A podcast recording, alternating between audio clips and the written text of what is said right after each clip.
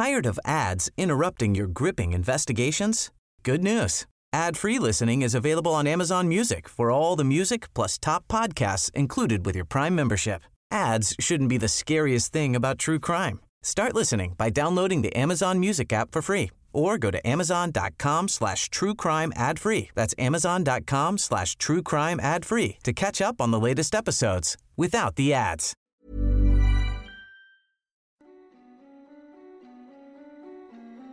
Hej och välkommen till Skräckstunden. En podcast för dig som älskar skräck.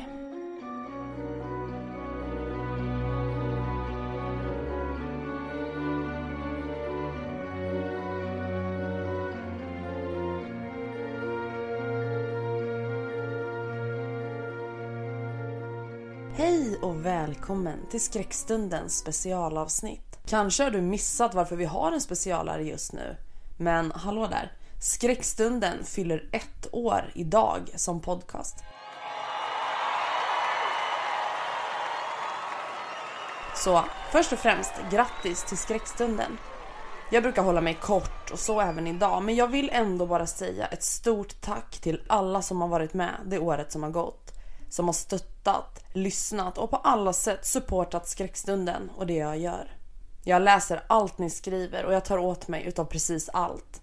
Det är ni som är skräckstunden och utan era pepp, era historier och er uppmuntran hade jag ju aldrig hållit upp kreativiteten så här. Jag satt ett bra tag och funderade på hur jag ska göra det här avsnittet speciellt. Om jag skulle använda pampig musik, köra lyssna-berättelser eller hur jag skulle lägga upp det. Men sen kände jag att jag vet att ni älskar lyssna-berättelser men det kommer inte göra det här avsnittet unikt. Och det finns väl bara en enda sak som faktiskt gör skräckstunden unik för sin sak. Egna berättelser. Jag vet att det var det du tänkte. Och du har helt rätt i det. Det som faktiskt skiljer skräckstunden mot andra poddar inom samma genre är ju just att jag skriver en hel del egna berättelser. Så dagen till ära så har jag skrivit en egen berättelse som jag tror och hoppas ska krypa in under skinnet på dig. Jag har ju också glömt att säga gott nytt år. Nu när jag släpper det här så är det 2022, tolvslaget, självaste nyårsafton och klockan slår 00.00. Så gott nytt år, god fortsättning och allt vad man säger.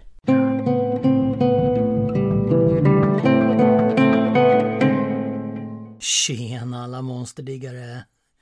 Emil Eriksson här.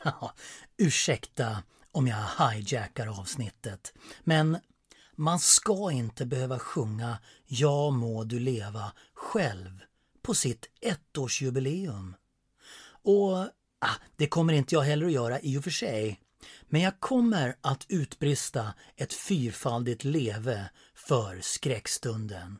Är ni med? Leve skräckstunden! Leve den! Hipp hipp! Hurra! Hurra! Hurra! Hurra! ja! Veronica, du har gjort en helt fantastisk resa under det år som gått. Från en bestämd start har du ångat på och givit oss avsnitt efter avsnitt av skräck i dess olika former. Och det tänker du fortsätta med, eller hur? Jag vet att vi som sitter här ute håller alla våra tummar för så mycket som möjligt, så länge som möjligt.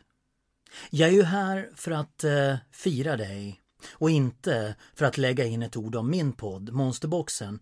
Men när jag ändå är här så vill jag passa på att presentera avsnittets novell som jag producerat som en ettårspresent till skräckstunden kan man säga. Vet att ni väntar på den. Och nu är den här. För skräckstundens ettårsjubileum. Skriven och inläst av Veronica Hammarlund herself. Här är Sömmerskan. Hon satt i källaren framför sin symaskin som så många gånger tidigare. Hon hade numera uppnått en framgång som ingen någonsin kunde ana. Hon hade skapat ett eget märke, och människor, både i hennes närhet men även runt om i hela landet, beundrade hennes designer och framförallt kvaliteten på hennes alster. Hon fick erbjudande efter erbjudande om samarbete med stora företag som erbjöd henne att sy upp hennes designer men hon nekade och avstod bestämt varje gång. Anledningen till det skulle skaka ett helt land och senare en hel värld. Den omtalade Anna Larsson skulle gå till historien som den sinnesrubbade sömmerskan. Annas passion i livet var att sy. Hon började redan som liten att måla upp skisser över egendesignade klädesplagg och redan i grundskolan fick hon högsta betyg i syslöjd. I övrigt var Anna inte ett underbarn direkt. Hon hade dåliga betyg i skolan, inga vänner och höll sig mest för sig själv. Hon var introvert och hon hade svårt att leka med andra barn och att prata var något hon helst lät bli. När Anna fyllde åtta år fick hon en helt egen symaskin av sin mamma och pappa. En symaskin som blev startskottet på Annas fascination för mode, designer och kläder. När Anna var 12 år sydde hon sina helt egna kläder och även gosedjur, gardiner och allt man kan tänka sig som man kan skapa med textiler.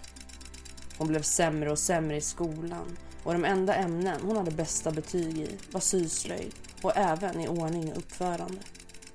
Efter grundskolan valde Anna att helt avstå ifrån gymnasiet och började istället att sy för att sälja, vilket hon ganska snabbt kunde försörja sig på. Tiden gick och när Anna var 22 år fick hon sitt stora genombrott. En kund som valde att handla en rock skapad i skinn, helt i hennes egen design och helt olik någonting någon tidigare sett. Och det visade sig att denna kund var inte vem som helst utan en italiensk designer som var på besök i Sverige. Han fick upp ögonen för henne och valde att köpa upp ett större parti jackor och kappor i skinn utav Anna. Och i och med det här fick hon dels in en större summa pengar men blev också omtalad då han höjde henne till skyarna. Han hade aldrig skådat något som var så bekvämt men ändå så hållbart som hennes material. Hans specialitet var nämligen skinn men ingen hade någonsin skådat någonting som det här. För pengarna som Anna tjänat på den här försäljningen valde hon att satsa på sig själv och att starta ett eget företag. Hon ville inte ha hjälp av någon annan men om hon kunde starta ett företag och nu ha en insats att lägga som ett startkapital kanske hon kunde expandera och lägga ännu mer tid på sin egen firma för att kunna försörja sig och därmed tjäna ännu mer pengar. Sagt och gjort. Anna startade en egen firma och affärerna gick över förväntan. När Anna var 25 år var hon omtalad i hela Sverige men även, framförallt i Italien, men även övriga Norden då hon valde att skapa en hemsida där hon levererade till hela Norden. Media sökte Anna, men för henne verkade inte kändisskapet vara lockande. Hon ställde aldrig upp på intervjuer och många undrade varför hon inte tog chansen till exponering. Det skulle ju vara bra för företaget och med det skulle hon tjäna ännu mer. Men nej, hon ville inte. Kanske var det på grund av hennes svårigheter att prata med människor och hennes sätt som enstöring att få arbeta i fred. Ju mer Anna tackade nej, desto mer slogs de olika medieinstanserna om att få till en intervju eller minsta lilla reportage. Men de fick avslag efter avslag. Anna blev den hemlighetsfulla designern som inte verkade bry sig om varken framgång, makt eller pengar. Vad är det då som driver henne? Det var en fråga som en reporter för en lokaltidning började ställa sig. Hon ville veta. Karin bestämde sig. Hon måste lära känna henne. Dessutom kanske det hade gjort att hennes egen framgång skulle utvecklas. Som hennes dröm sen så länge var att komma ifrån lokaltidningen för att komma in på ett större mediaställe.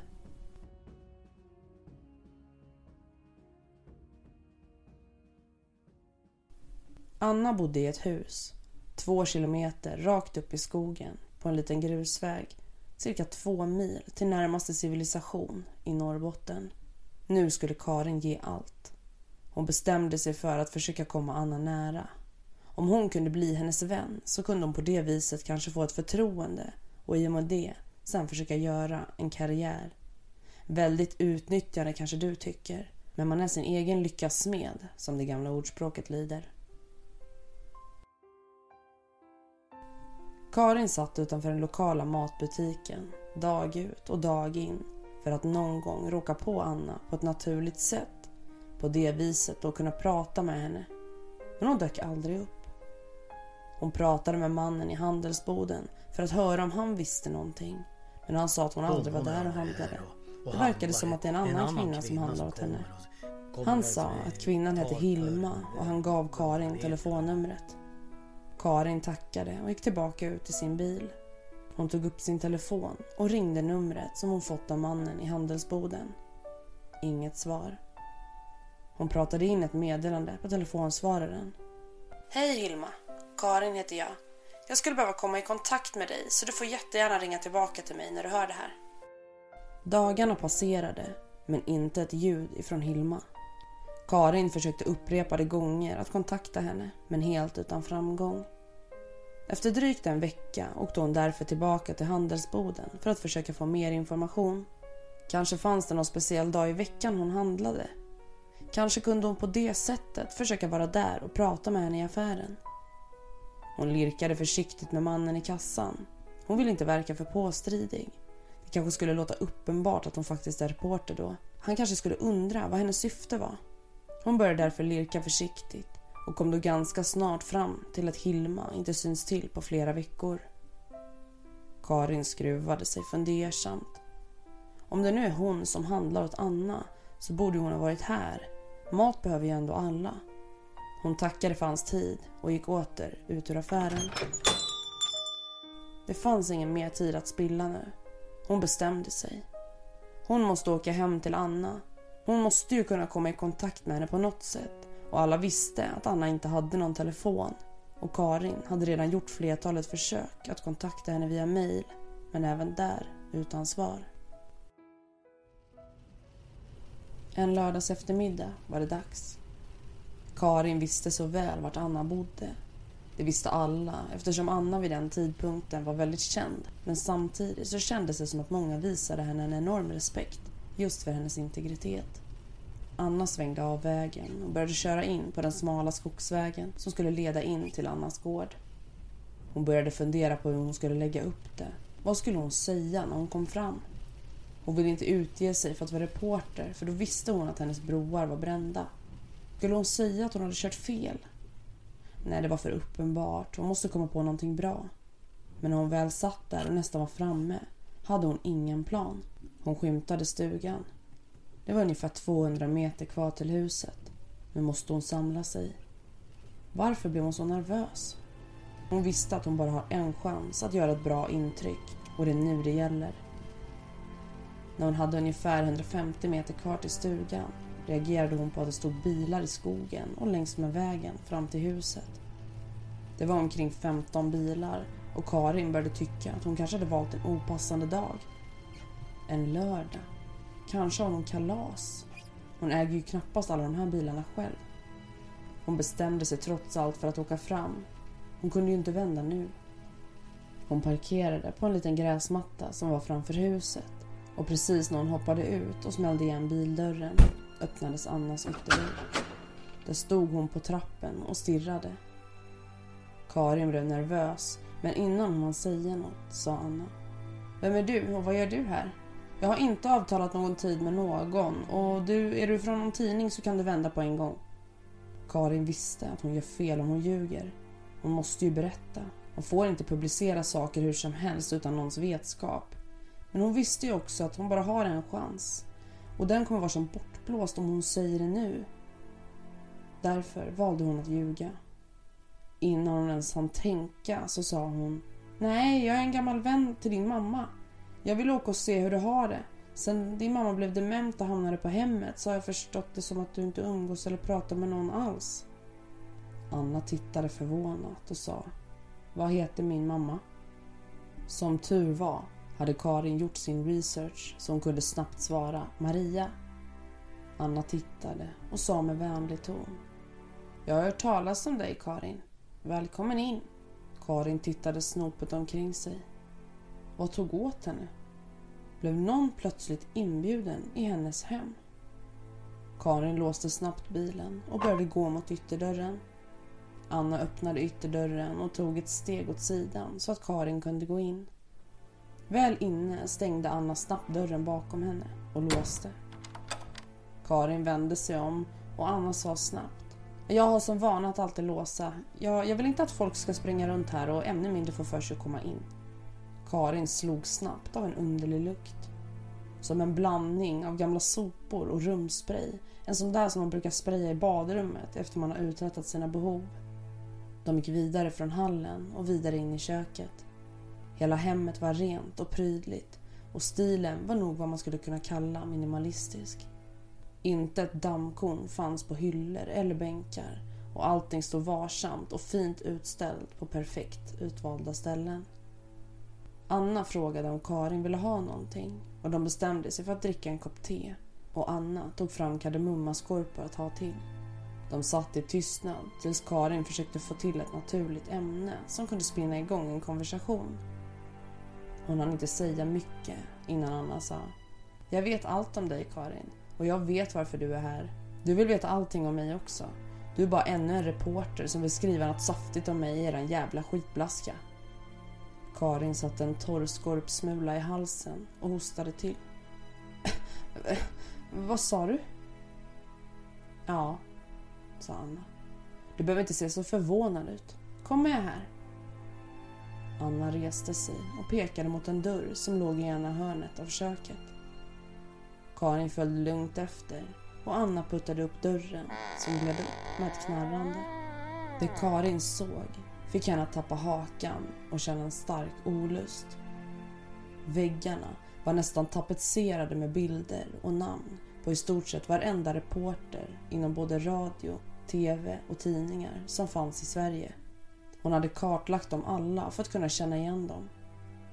Efter några sekunders tystnad och tittande såg Karin sig själv på bild med namnet prydligt skrivet under. Det gick en kall kår, nästan som en stöt genom hennes kropp. Strax efter sköljde ett enormt illamående genom hennes kropp. Anna, som verkade uppfatta det, sa snabbt. Toaletten ligger direkt till höger innanför ytterdörren. Karin sprang genom köket, ut i hallen och in på toaletten. Hon vände sig snabbt om för att låsa dörren men insåg då att det inte fanns något lås. Hon kände hur illamåendet tryckte upp och hann inte bry sig mer. Hon kastade sig runt och ner i toaletten för att kräkas. Efter några minuter kändes det bättre men en extrem huvudvärk och trötthet slog istället till. Hon blev så trött att hon inte orkade hålla sina ögon öppna. Hon reste sig och öppnade dörren. Precis utanför toalettdörren stod Anna. Precis som att hon hade stått och lyssnat på henne när hon kräktes och bara väntade på att hon skulle komma ut igen. Karin vaknade till. Hon förstår inte vad som hänt eller vart hon är. Hon ser suddig ut och har en aning dubbelseende. Hon skulle försöka gnugga sig i ögonen och det var först då hon insåg att hon inte kunde det. Hon satt fast. Hon kunde inte föra händerna mot ansiktet. Hon ligger ner i någon typ av säng men synen fungerar inte som den ska och hon blundar igen. Hon hör väldigt dovt, precis som att det är någonting som är långt bort och bakom flera lager av skumgummi. Trots det kan hon ändå tyda vad det är för ljud. Ljudet av en symaskin. Hon inser att hon är kvar hos Anna men hon förstår inte vad som hände eller hur hon har kommit till den här sängen. Hon minns att hon kräktes, att hon kände tröttheten. Men sen är det svart.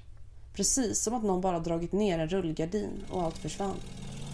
Hon gjorde ett försök att ropa, men enbart ett ynkligt pip kom fram. Hon var torr i halsen. Det är först en stund efter som hon inser att hon är naken. Vart tog kläderna vägen? Hon började tänka på rummet innanför köket. Hur hon hade sett alla bilder på alla reportrar. Vad är det här för ställe? Och vad är Anna egentligen för människa? Varför har de spänt fast henne? Hon hörde hur ljudet tystnade och siluetten av Anna närmade sig. Hon kunde se hur hon höll i någonting men ögonen var fortfarande så dimmiga att inte förrän hon var precis vid hennes sida kunde hon tyda vad det var. En kanyl. En liten spruta med en tunn nål med gul vätska. Hon försökte skrika men det kom inga ljud. Inte mer än några små gnyende läten. Hon kände sticket och efter det försvann hon bort i en grå dimma tills allting ännu en gång blev svart.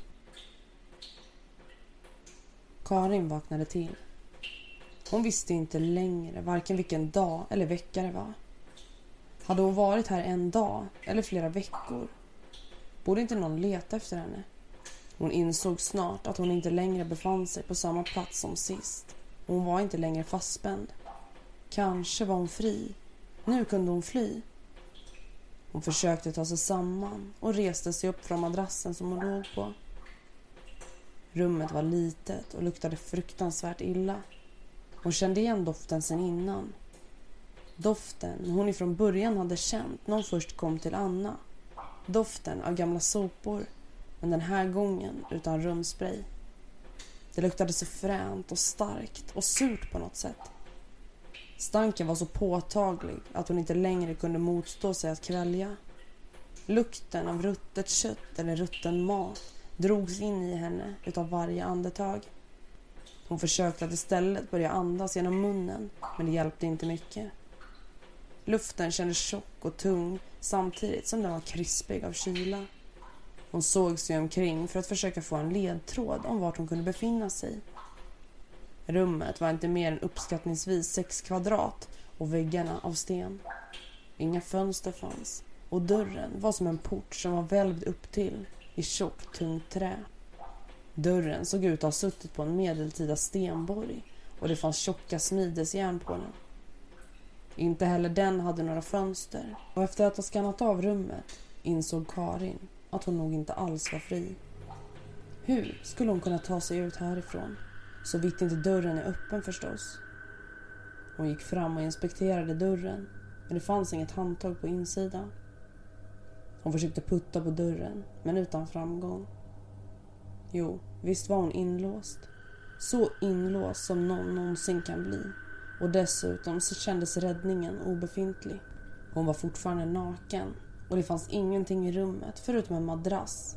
Så ingenting fanns som hon nu kunde värma sig med.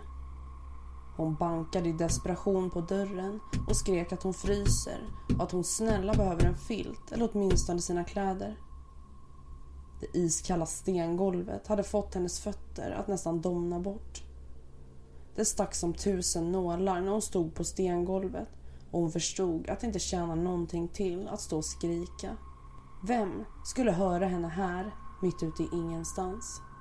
Hon la sig uppgiven ner på madrassen.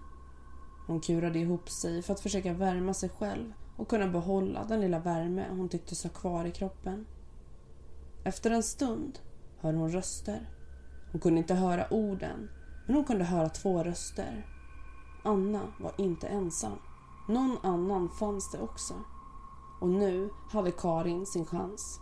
Hon sprang fram till dörren och bankade, sparkade och skrek så gott hon någonsin orkade. Hon backade, tog sats och slängde sig mot dörren som plötsligt flög upp. Hon ramlade ut genom dörren och det hon möttes av fick henne att kräkas rakt ut på golvet. Hon ställde sig tyst upp och tittade sig omkring. Som fångad i en skräckfilm tryckte hon sig in till väggen i tron om att ett monster snart skulle attackera henne. Hon stod tyst och orörlig.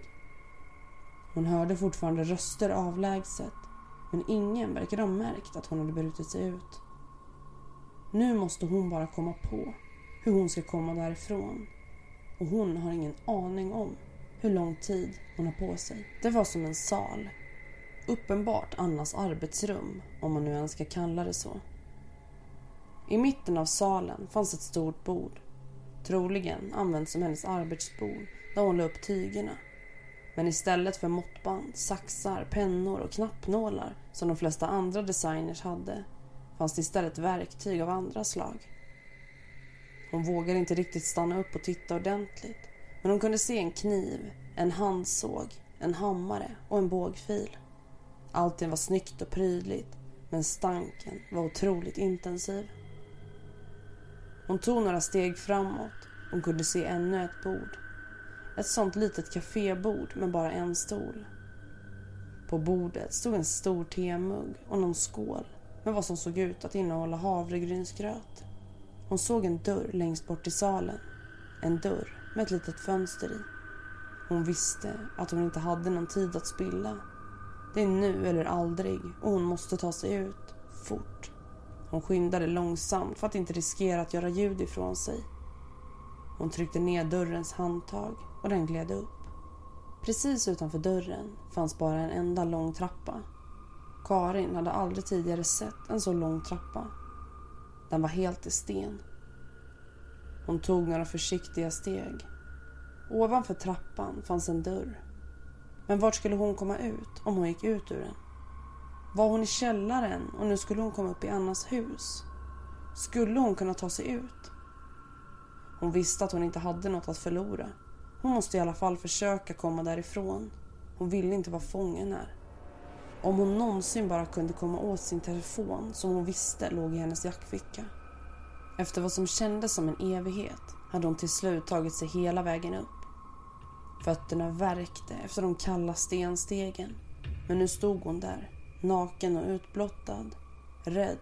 Hon hade verkligen inte en aning om vad som skulle möta henne på andra sidan dörren. Hon tog ett försiktigt tag om handtaget och gläntade försiktigt på dörren.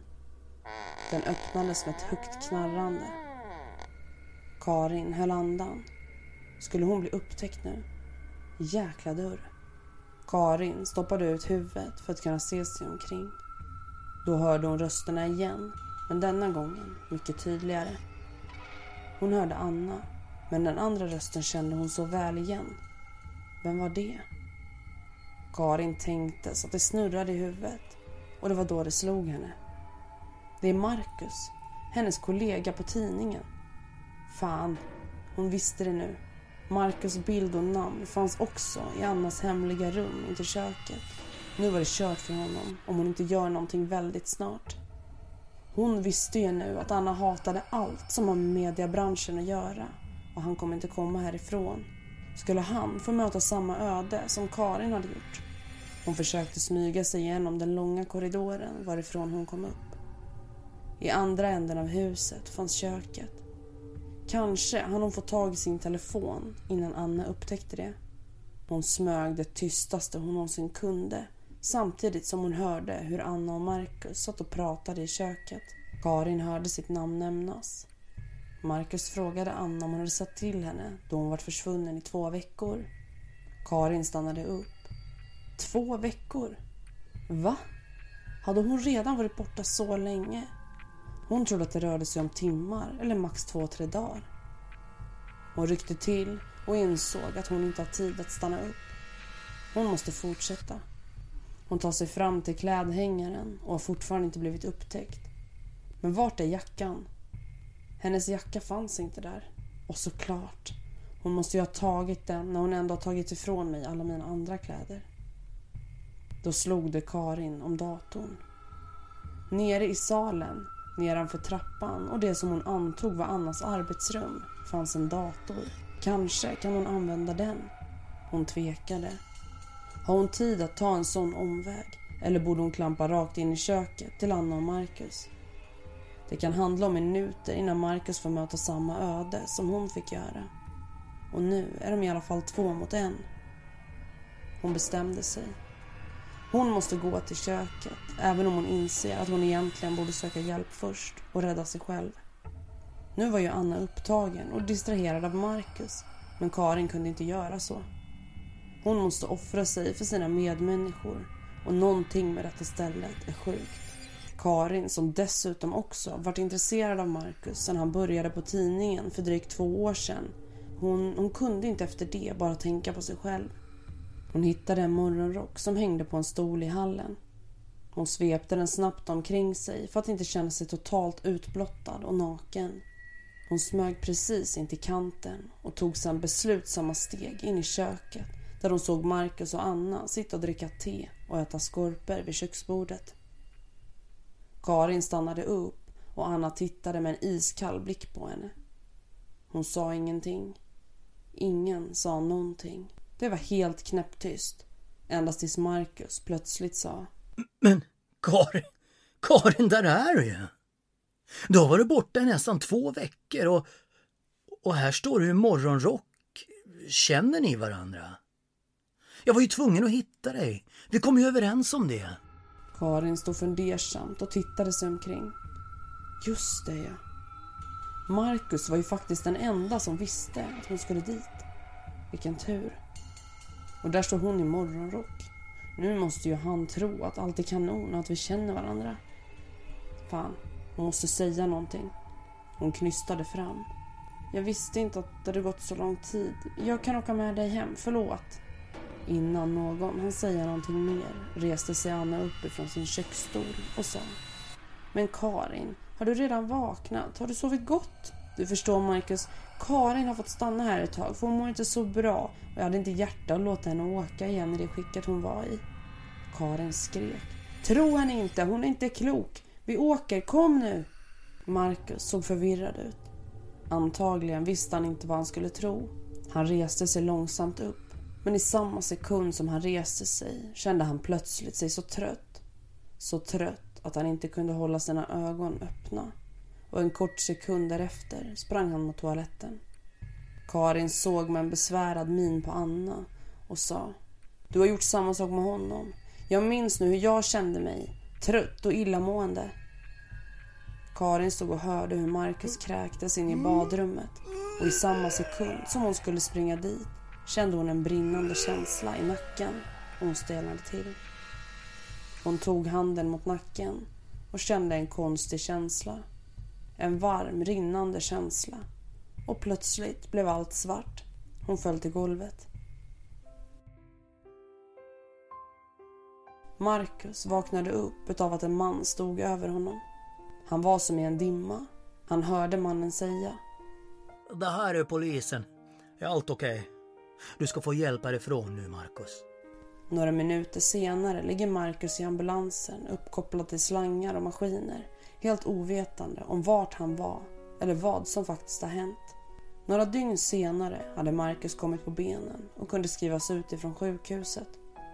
Han plockades då upp av två polismän som körde honom till polisstationen. Väl där fick Marcus träffa Karin. Karin? Du... Du lever? Eller vad hände? Polisen kallade in dem båda på två separata förhör.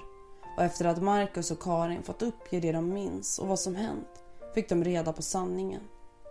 Sanningen om Anna, hennes berömmelse och framgångar.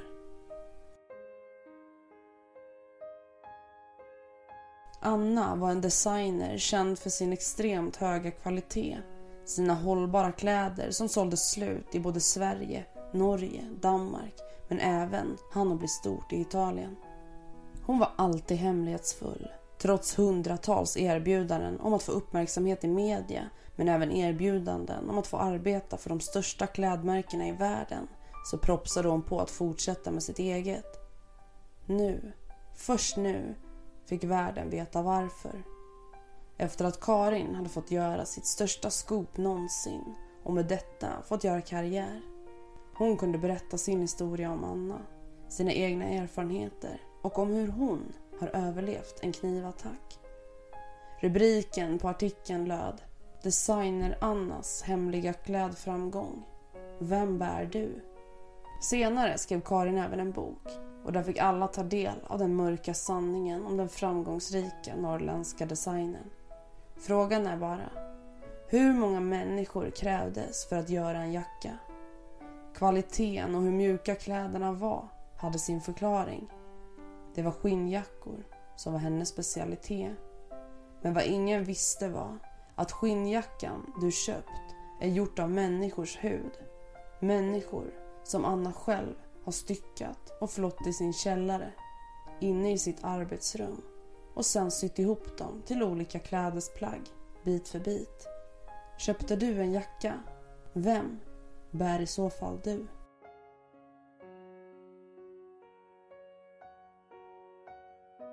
Du har hört berättelsen Sömmerskan skriven utav er värd Veronica Hammarlund. Så, nu ska jag hålla käften och lämna över mikrofonen till dig igen, Veronica. Jag misstänker att du vill avsluta med några ytterligare ord till dina lyssnare. Så, tjena!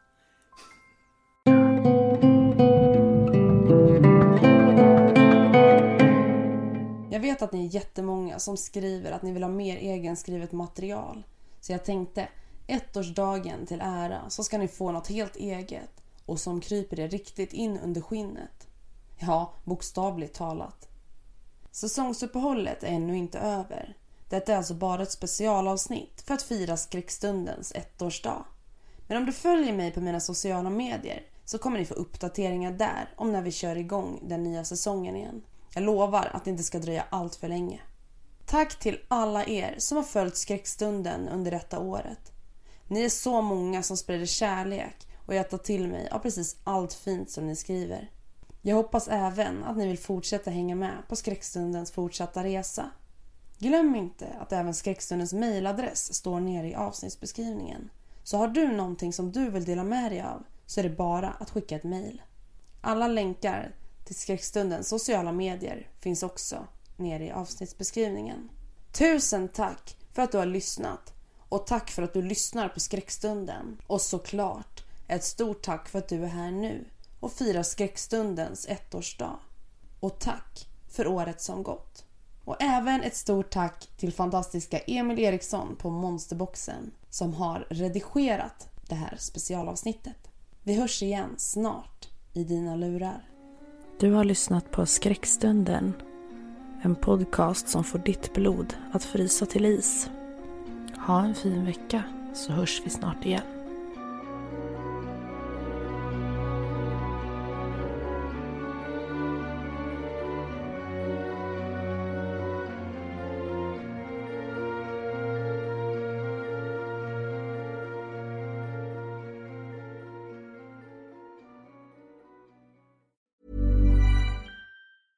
Hi, I'm Daniel, founder of Pretty Litter. Did you know cats tend to hide symptoms of sickness and pain? I learned this the hard way after losing my cat, Gingy. So I created Pretty Litter, a health monitoring litter that helps detect early signs of illness by changing colors, saving you money and potentially your cat's life. Pretty Litter is veterinarian developed, and it's the easiest way to keep tabs on your fur baby's health right at home. Go to prettylitter.com and use code ACAST for 20% off your first order and a free cat toy. Terms and conditions apply. See site for details.